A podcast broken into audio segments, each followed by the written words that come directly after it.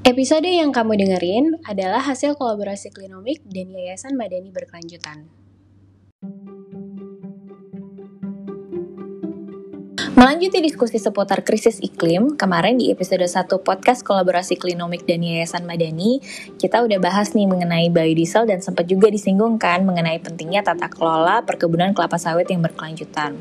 Hal ini penting karena mayoritas bahan baku biodiesel di Indonesia masih berbasis kelapa sawit. Tapi yang jadi pertanyaan besar nih guys, sebenarnya bisa nggak sih Indonesia mempraktekkan perkebunan kelapa sawit berkelanjutan? Dan kelapa sawit yang sustainable tuh kayak apa sih? Nah, di episode podcast kali ini kita akan bahas tuntas mengenai apa tuh yang dimaksud praktek kelapa sawit yang berkelanjutan bareng Ibu Rukayah Rafik atau biasa dipanggil Ibu Uki. Beliau adalah Kepala Sekolah Tani dari Yayasan Fortasbi, dan Fortasbi adalah sebuah organisasi yang didirikan di tahun 2014 sebagai wadah bagi petani sawit yang berkomitmen untuk melaksanakan prinsip-prinsip sustainability di perkebunannya. Salah satu tugas beliau adalah mendampingi para petani kelapa sawit swadaya ini agar mereka memperoleh sertifikat sawit seperti AS SPO, RSPO, dan ICC. Kalau dari diskusinya nih, proses memperoleh sertifikasi ini nggak mudah karena banyak banget standar yang harus dipelajari dan diimplementasikan sehingga memang para petani swadaya kita itu butuh dukungan banyak pihak. Yuk kita dengerin obrolannya. Oke, halo Mbak Uki, makasih banget nih udah join di Klinomik Radio. Mungkin uh, sebelum kita mulai diskusinya boleh kenalan dulu nggak nih sama teman-teman yang pendengar si Klinomik Radio Mbak Uki dari mana, dari organisasi apa, terus organisasinya ngapain? Halo, selamat pagi teman-teman. Uh, saya uh, Rukai Rafiq dari Fortasbi uh, dan Fortasbi itu sebetulnya adalah organisasi yang di mana anggotanya itu adalah petani swadaya di Indonesia yang memang berkomitmen untuk uh, promosi sustainability uh, dalam praktek perkebunannya. Oke, boleh diceritain nggak sih Mbak uh, Fortasbi ini tuh awal pendiriannya tuh seperti apa? Uh, sebetulnya uh, Fortasbi ini didirikan di 2014 gitu ya. Uh, uh, pada saat uh, pada saat itu sebetulnya uh, ada dua organisasi petani yang sudah bersertifikat RSPO namun um, merasa galau gitu ya karena memang pada saat mereka mendapatkan sertifikat RSPO itu uh, ada beberapa tantangan yang mereka harus uh, hadapi pasca sertifikasi yaitu bagaimana mereka bisa mempertahankan sertifikatnya dan sebetulnya organisasi ini juga diinisiasi oleh beberapa NGO yaitu WWF Indonesia, terus kemudian Yayasan Setara Jambi, uh, eh, SNV, Yayasan Inobu, dan uh, Sawitwo, dan juga SPKS. Nah, oke okay, Mbak Oke, aku tuh sebenarnya udah lama banget ya penasaran dengan isu kelapa sawit nih karena uh, kalau kita lihat di pemberitaan, kayaknya kan kalau misalnya yang namanya kelapa sawit itu selalu sesuatu hal yang agak semi negatif gitu. Karena karena kayak pembukaan lahan, terus abis itu kan banyak uh, orang hutan yang mati gitu karena uh, kebakaran hutan dan sebagainya gitu. Dan apalagi sekarang kita lagi banyak banget ngebahas tentang uh, krisis iklim kan ya Mbak karena lagi ada COP26 ini yang di Glasgow. Terus Indonesia kan emang salah satu penghasil emisi terbesar di dunia gitu. Nah, uh, aku pengen tahu deh sebenarnya um, salah satu visi dan misi Fortasbi ini kan sebenarnya juga mendorong uh, ke kehidupan petani kelapa sawit yang berkelanjutan kan gitu dan untuk generasi, generasi sekarang dan masa datang gitu. Nah, sebenarnya kelapa sawit yang sustainable tuh kayak apa sih Mbak? Boleh dijelasin dulu nggak? Oke, uh, jadi mungkin saya uh, bicara dari konteks uh, ini ya, kenapa kemudian Fortasbi ini dibentuk begitu ya. Tadi saya sudah sampaikan bahwa ini adalah forum petani dan uh, kita ingin uh, apa ya uh, mendorong agar petani-petani itu juga menjadi bagian untuk uh, mempromosikan sustainability karena menurut kita yang tadi Mbak sampaikan bahwa kelapa sawit itu kan dianggap sebagai komoditas yang memang e, merusak begitu ya. Apa narasi narasinya kan begitu kita tidak bisa menutup mata sebetulnya memang itu yang terjadi gitu ya. Sepuluh 10 20 tahun yang eh, sampai de, apa 20 tahun ke belakang sebetulnya itu yang terjadi. Jadi pengurusakan hutan, terus deforestasi gitu ya. Terus kemudian perampasan hak, terus kemudian juga uh, apa uh, masalah dengan uh, satwa seperti itu. Nah, eh, lalu persoalan-persoalan itulah yang kemudian ingin dijawab bagaimana kemudian perkebunan kelapa sawit itu itu bisa lebih ramah terhadap masyarakat terhadap apa namanya satwa dan juga dia kalaupun dibangun kebun sawit itu bukan um, di kawasan hutan. Nah, namun kan kadang-kadang yang terjadi adalah ketika narasi itu dibangun, orang terlalu sering untuk eh, apa namanya menyalahkan bahwa itu adalah kampanye negatif begitu ya. Padahal sebetulnya memang eh, kampanye negatif itu adalah kampanye terhadap eh, fakta negatif yang ada di Indonesia begitu. Jadi itu yang harus kita lihat bahwa sebetulnya memang itu terjadi. Nah, lalu eh, kami ingin bersama dengan petani sebetulnya kita ingin eh, menyampaikan bahwa kelapa sawit itu sebetulnya bisa dipraktek, bisa dihasilkan dari praktek yang terbaik begitu ya. E, bagaimana caranya yaitu baga, e, dengan cara misalnya e, apa menggunakan atau kemudian e, mengarus utamakan standar standar-standar sustainability misalnya boleh menggunakan sertifikasi atau kemudian e, baik ISPO maupun RSPO. Jadi kami sebetulnya ingin menjadi peng, apa ingin mendorong dan membuktikan bahwa kok perusahaan nggak mau begitu ya uh, sementara petani sendiri juga sebetulnya pengen uh, apa mempromosikan atau mempraktekkan secara langsung seperti itu dan itu bisa sebenarnya. Nah kalau success story-nya penerapan sustainable sawit ini seperti apa sih Mbak? Soalnya kan kayak tadi kan udah cerita nih kalau misalnya fakta-fakta negatifnya itu banyak. Nah, mungkin bisa diceritain nggak Mbak fakta positifnya si sustainable kelapa sawit ini seperti apa nih prakteknya? Jadi kalau kalau kita lihat gitu ya, uh, memang uh, kalau uh, isu sustainability sustainability untuk sertifikasi atau sawit ini kan sebetulnya baru dimulai ketika kemudian ada RSPO di tahun 2004 begitu ya. Karena kan pada saat itu apa namanya seruan boykot gitu ya dari Eropa itu kepada produk-produk kelapa sawit dari Indonesia itu cukup kuat begitu ya, terutama dari Inggris gitu ya, terus kemudian dari uh, apa Jerman begitu. Jadi banyak sekali boykot boykot yang terjadi. Nah, kalau kalau kemudian kita kalau kemudian pertanyaan adalah apakah ada cerita-cerita baik banyak begitu ya jadi jadi kalau saya mengumpamakan sebetulnya saya suka ber, ber uh, apa memberikan uh, perumpamaan gitu ya uh, sertifikasi itu sebetulnya adalah satu mekanisme di mana orang belajar tentang uh, sesuatu yang berbeda dari sebelumnya. Kalau selama ini ya uh, petani misalnya, mereka tuh kan uh, berkebun sawit dengan hanya mencontek. Dia hanya meniru gitu ya. Meniru siapa? Meniru perusahaan dan meniru plasma. Ya kan? Jadi kalau misalnya perusahaan membawa uh, mem, apa uh, memupuk, dia juga ikut memupuk gitu. Jadi mereka tidak tidak mereka tidak tahu pupuk itu untuk apa.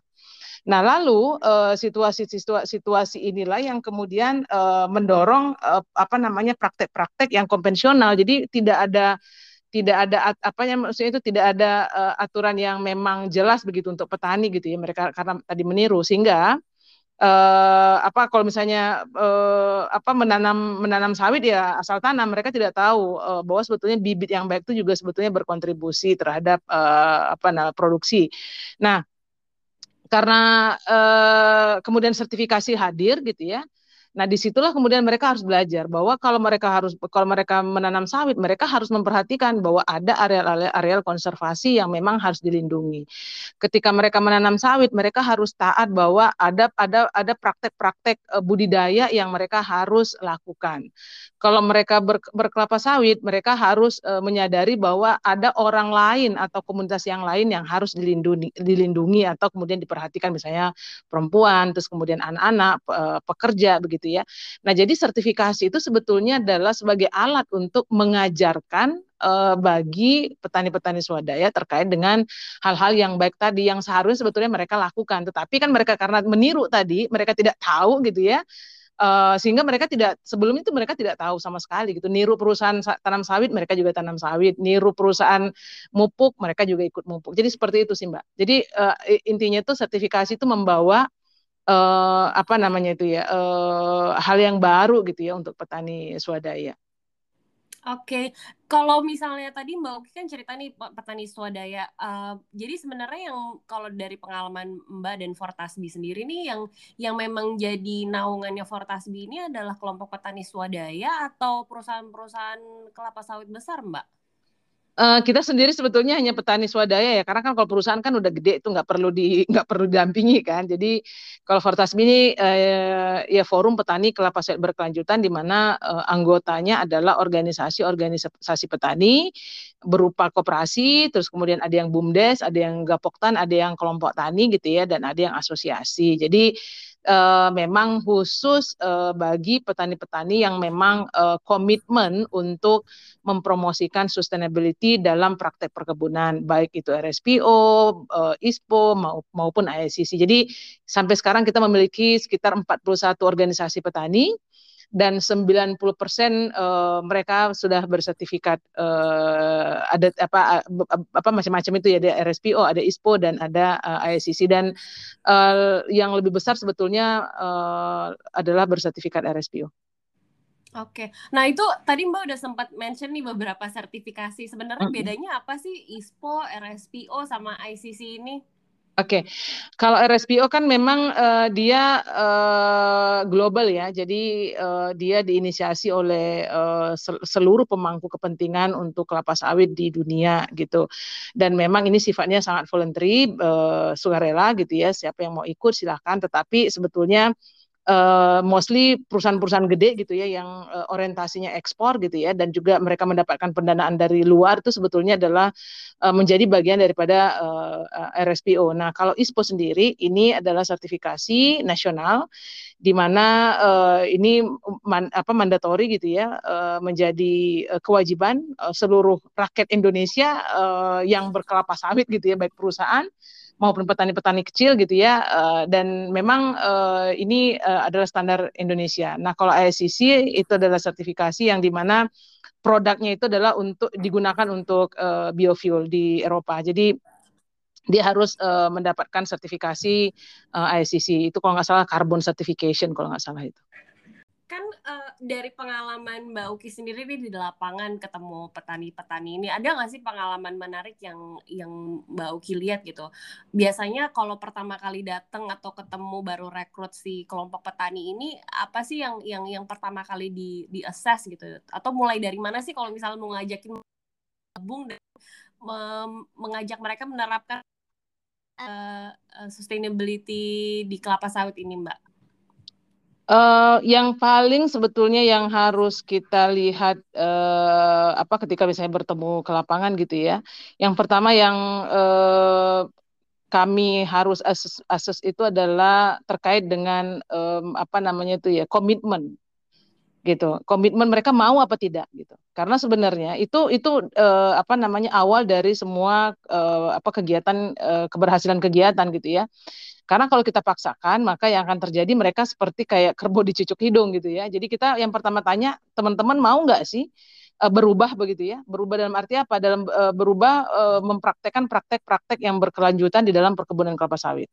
Nah, kalau mereka mau, baru kemudian kita bicara hal-hal yang lebih teknis, misalnya apakah mereka memiliki kelembagaan, terus kemudian apakah apa ke perkebunan kelapa sawit mereka tuh uh, berada di kawasan mana gitu. Apakah di APL ataukah di kawasan hutan gitu kan? Atau kemudian uh, hal yang lain adalah apakah perkebunan sawitnya itu memang uh, sudah cukup baik atau belum gitu. Nah hal-hal itu yang memang menjadi nanti uh, apa uh, yang akan mengikuti. Pasca kemudian kita tanya apakah mereka mau mau nggak sih terlibat dalam uh, sustainability uh, praktek berkelanjutan ini? Jika mau baru kita kemudian lanjutin hal-hal yang lain. Tapi kalau mereka bilang kami nggak mau karena kami sudah nyaman dengan kondisi sekarang terus kemudian kami sudah uh, harga bagus segala macam gitu ya. Ya kita kita persilahkan aja. Jadi kita tidak juga memaksa mereka seperti itu. Gitu aja sih mbak Hmm. Nah, uh, biasanya kendalanya apa sih, Bu? Uh, apa karena udah nyaman kah atau emang uh, ada biaya tambahan kah dengan pelaksanaan praktek sustainability ini gitu? Atau misalnya uh, atau memang simply nggak nggak tahu aja gitu? Yang pertama mungkin ketidaktahuan gitu ya ketidaktahuan uh, karena kan uh, yang memang agak susah itu adalah memperkenalkan gitu ya mensosialisasikan makna daripada sustainability itu Ya, jadi eh, kenapa sih sustainability itu penting? Kenapa sih praktek-praktek budidaya itu penting gitu ya? Terus kenapa sih ber, berkelompok itu penting? Kenapa sih bermitra dengan perusahaan itu penting? Ya kan kan praktek-praktek terbaiknya itu kan begitu. Ke kelembagaan yang baik, uh, terus kemudian budidaya yang baik dan kemitraan yang setara gitu kan. Nah, hal-hal yang kayak gitu kan harus di, di, di, di, disampaikan kepada petani. Nah, eh, pihak yang menyampaikan itu ya terkait dengan nilai-nilai itu yang tidak ada dan bukan tidak ada sih maksudnya masih kurang begitu. Kurang menjangkau eh, kepada petani-petani. Justru diskusi-diskusi sustainability itu itu hanya habis di kantor-kantor uh, pemerintahan gitu ya tidak sampai ke tapak gitu tidak sampai ke desa gitu nah uh, hal ini yang memang menjadi tantangan terbesar. Selanjutnya sebetulnya juga adalah berbiaya begitu tentu ketika kemudian melakukan praktek terbaik gitu ya sertifikasi misalnya pasti akan ada biaya. Biaya apa? Ya biaya perubahan gitu ya. Ketika praktek konvensional berubah menjadi yang modern dan uh, apa namanya berkelanjutan tentu kan ada biaya. Bagaimana memastikan petani semua uh, apa namanya mengikuti cara yang terbaik itu kan pasti ada biaya. Nah, memang uh, ya apa namanya uh, faktor yang lain ada adalah biaya dan faktor yang uh, ketiga sebetulnya adalah dukungan. Ya, menuju sertifikasi itu tidak bisa kemudian petani lakukan sendiri, nggak bisa. Atau praktek terbaik itu nggak bisa dilakukan petani sendiri, harus ada dukungan dari pihak yang lain dari pihak pemerintah, dari pihak perusahaan, dari teman-teman NGO, dari pemerintah desa. Karena kenapa? Pemenuhan standar sustainability itu itu uh, multidimensi gitu ya. Lega, misalnya pemenuhan terhadap aspek legalitas itu aut, uh, apa namanya otoritasnya itu bukan di petani tapi uh, otoritasnya di, pemerintah ya terus kemudian uh, pe, apa peningkatan kapasitas mengenai budidaya itu uh, tidak banyak juga apa namanya uh, apa teman-teman pendamping yang paham. Nah, yang memiliki pengetahuan budidaya teknis yang cukup kuat itu ada di pabrik atau ada di perusahaan. Jadi kalau kita lihat bahwa dukungan itu sangat penting. Pet, dari pengalaman saya melihat dari seluruh Indonesia yang bersertifikat ya dari Sumatera Utara sampai kemudian Kalimantan Timur, yang bersertifikat RSPO, yang bersertifikat ISPO, bahkan yang bersertifikat ISCC pun tidak ada satu petani pun yang maju secara sendiri mendapatkan sertifikasi. Semuanya itu dibantu oleh ada yang dibantu oleh pemerintah, ada yang dibantu oleh LSM dan ada yang dan ada juga yang dibantu oleh uh, perusahaan dan bahkan ada yang dibantu oleh tiga pihak ini. Jadi uh, kolaborasi uh, terus kemudian dukungan dari para pihak itu penting banget untuk uh, mencapai uh, apa namanya uh, implementasi praktek sustainability. Kalau dari perspektif petaninya sendiri, Mbak Uki, sebenarnya mereka lebih untung nggak sih kalau menerapkan praktek sustainability ini atau keberlanjutan di di kebun kelapa sawitnya mereka? Misalnya kayak ada insentif lebih cuan nggak gitu, Mbak? Mungkin modal lebih banyak, tapi apakah untungnya juga lebih banyak? Iya, kalau kita hitung misalnya dia dapat cash, ya, itu mungkin tidak gitu ya. Tetapi kalau dibicara mengenai misalnya impact secara luas, contoh ya, ketika mereka masuk ke sertifikasi, ya, masuk sertifikasi ISPO deh gitu ya. Ketika mereka masuk ke sertifikasi ISPO ini ada satu kasus di Kalimantan Timur. Ketika mereka masuk mendapatkan ISPO, ya, perusahaan kemudian memberikan akses langsung untuk penjualan TBS. Ya kan? Kalau penjualan TBS secara langsung artinya petani itu bisa memotong rantai suplai ya memotong uh. Artinya kalau misalnya saya nggak mau bilang apa ya, maksudnya itu ada ada ada middleman di, di antara mereka gitu ya, yang di mana selisihnya itu cukup besar. Nah, ketika mereka mendapatkan ISPO, akses ke pabrik itu langsung.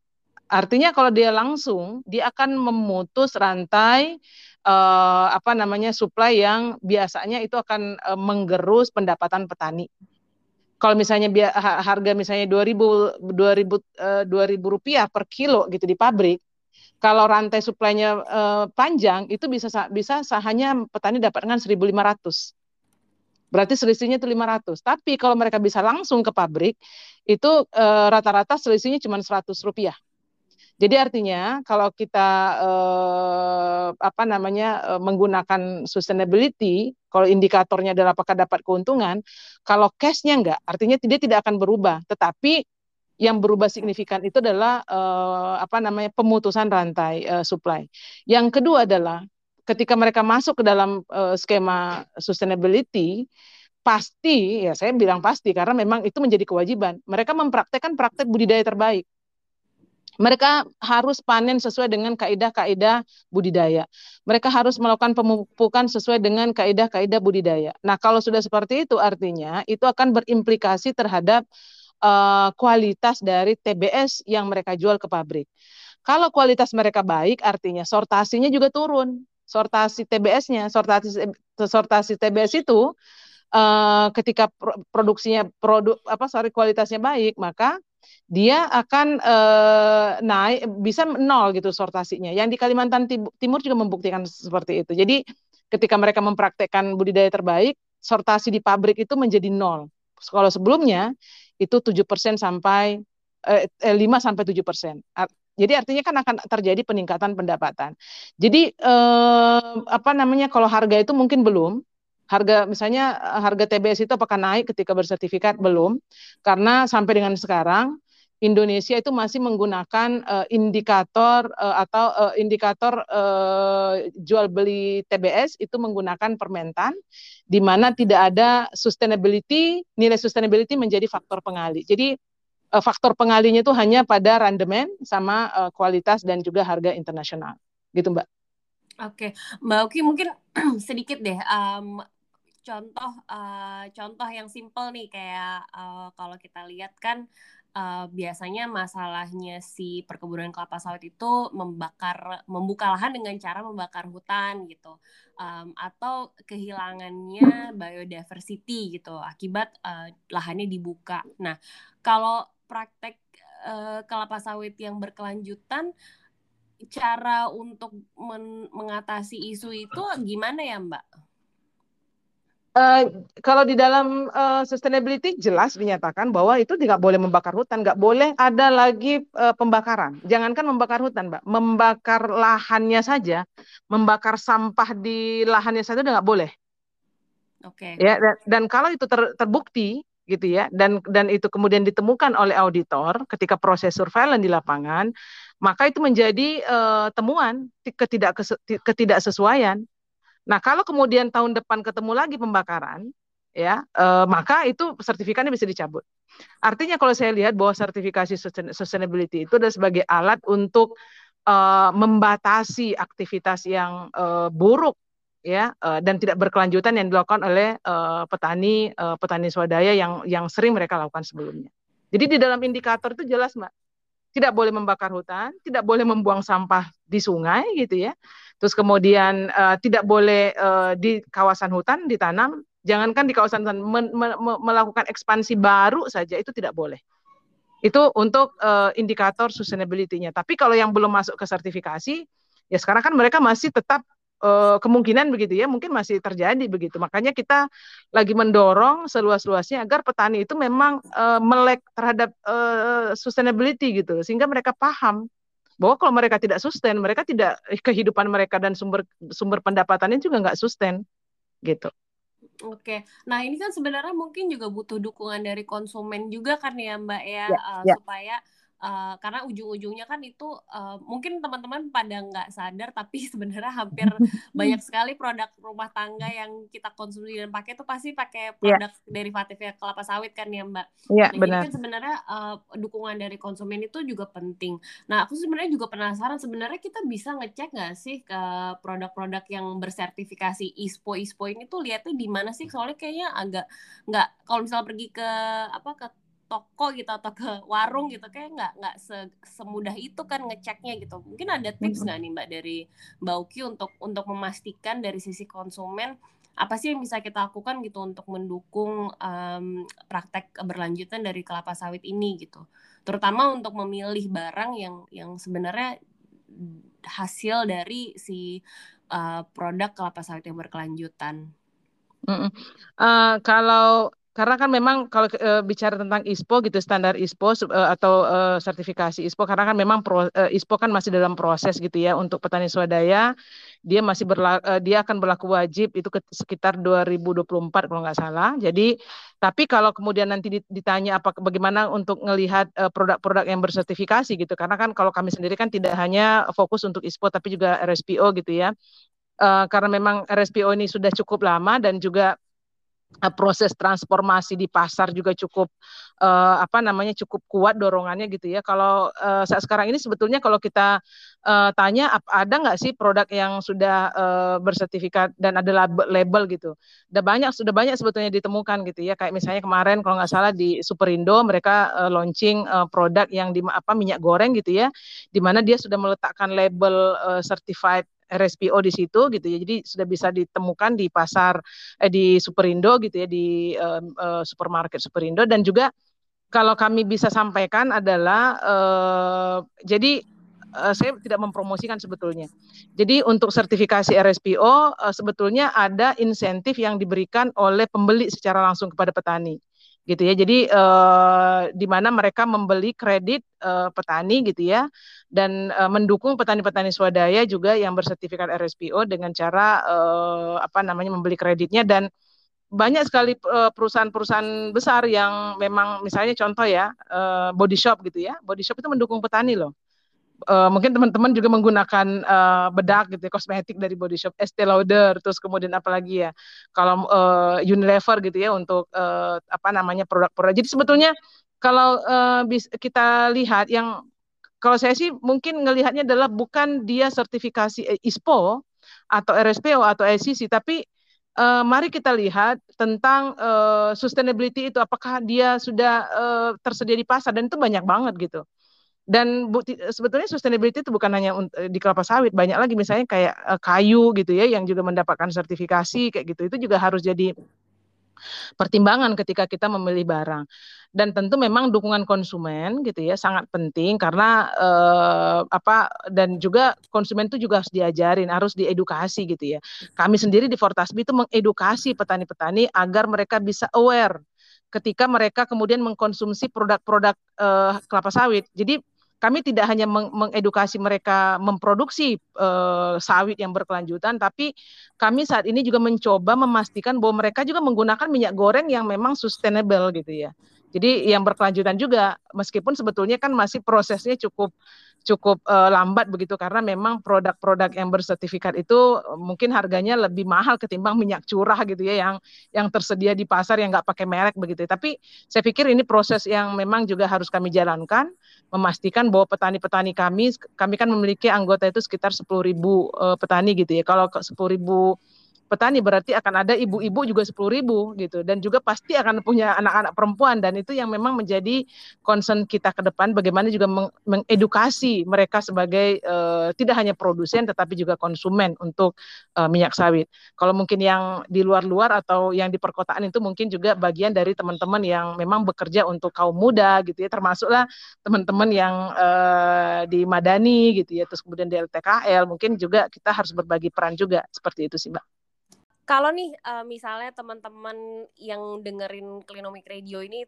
ternyata punya saudara atau keluarga yang punya bisnis atau punya lahan atau uh, keluarganya tuh adalah yang salah satu petani-petani yang berkecimpung di kelapa sawit nih uh, Mbak Uki. Kalau misalnya mereka tertarik pengen um, melakukan kelapa sawit berkelanjutan itu mereka bisa tanya-tanya atau cari informasi ke mana ya Mbak? Uh, bisa uh, cari di Fortasbi, uh, bisa masuk ke website kita, jadi uh, www.fortasbi.org karena di situ juga bisa uh, apa namanya mungkin bisa mengirim email gitu ya dan dan kita ada kontak juga di situ bisa dihubungi langsung sih sebetulnya. Dan kalau misalnya uh, di tempat teman-teman misalnya karena kami juga memiliki anggota di seluruh Indonesia ya. Anggota kita ada di Sumatera Utara ada di Riau ada di Jambi ada di Sumatera Selatan ada di Kalimantan Tengah ada di Kalimantan Barat dan ada di Kalimantan Timur. Jadi kalau misalnya mau tanya secara langsung uh, bisa menghubungi anggota-anggota kita yang di daerah-daerah tersebut dan juga bisa langsung melihat bagaimana praktek yang mereka lakukan. Jadi kalau nanti kalau kalau Portasbi kan ada di sekretariat gitu ya.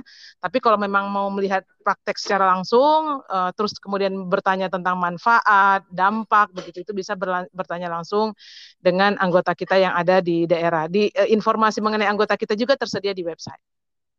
Okay. Di mana mereka, namanya di mana begitu ya. Jadi banyak sekali. Tapi mungkin sebelumnya saya ingin sampaikan juga Mbak yang terakhir gitu ya. Kami bisa uh -huh. mengklaim sebetulnya gitu ya, uh, sertifikasi itu uh, bukan tujuan, tetapi dia menjadi alat untuk membantu petani swadaya berkontribusi terhadap pencapaian Sustainable Development Goals. Dan kami memiliki data bahwa sertifikasi itu memberikan impact yang cukup luas terhadap uh, edukasi pendidikan, perlindungan perempuan, pemberdayaan perempuan, per, perlindungan uh, apa areal konservasi tinggi dan juga uh, apa namanya mengurangi uh, deforestasi. Jadi kami memiliki data mengenai itu. Oke, jadi dari konsumen sendiri kita juga harus pastikan ya sebisa mungkin kita dukung uh, brand-brand atau produk-produk yang memang menggunakan uh, kelapa sawit yang bersertifikasi ini ya Mbak Uki ya. Iya, ya mendukung uh, apa uh, kelapa sawit yang, ber, yang bersertifikasi dan juga mendukung petani swadaya yang uh, untuk menuju sertifikasi. Jadi okay. itu juga harus dipastikan karena bisa saja produknya itu bersertifikasi tapi bukan dari petani tapi dari dari perusahaan gede gitu kan. Jadi kita oh, juga okay, ya, ya, ya, Uh, uh, karena kita pengen meng, apa namanya melibatkan semua pihak, tidak hanya perusahaan gede atau perusahaan besar tetapi juga melibatkan petani-petani kecil yang sebetulnya hidupnya itu tergantung banget dengan kelapa sawit. Itu dia obrolan kami tentang standar praktek berkelanjutan kelapa sawit di Indonesia dan ternyata udah banyak nih sukses story-nya dari petani swadaya di Indonesia yang ternyata bisa kok menjalankan praktek berkelanjutan di kebun kelapa sawit mereka. Dengerin terus lanjutan obrolan kami di minggu depan seputar biodiesel, kelapa sawit, skema transisi energi, serta komitmen iklim Indonesia bareng Yayasan Madani. Jangan lupa subscribe Klinomik Radio ini, follow akun Instagram kami supaya nggak ketinggalan info selanjutnya. Bye!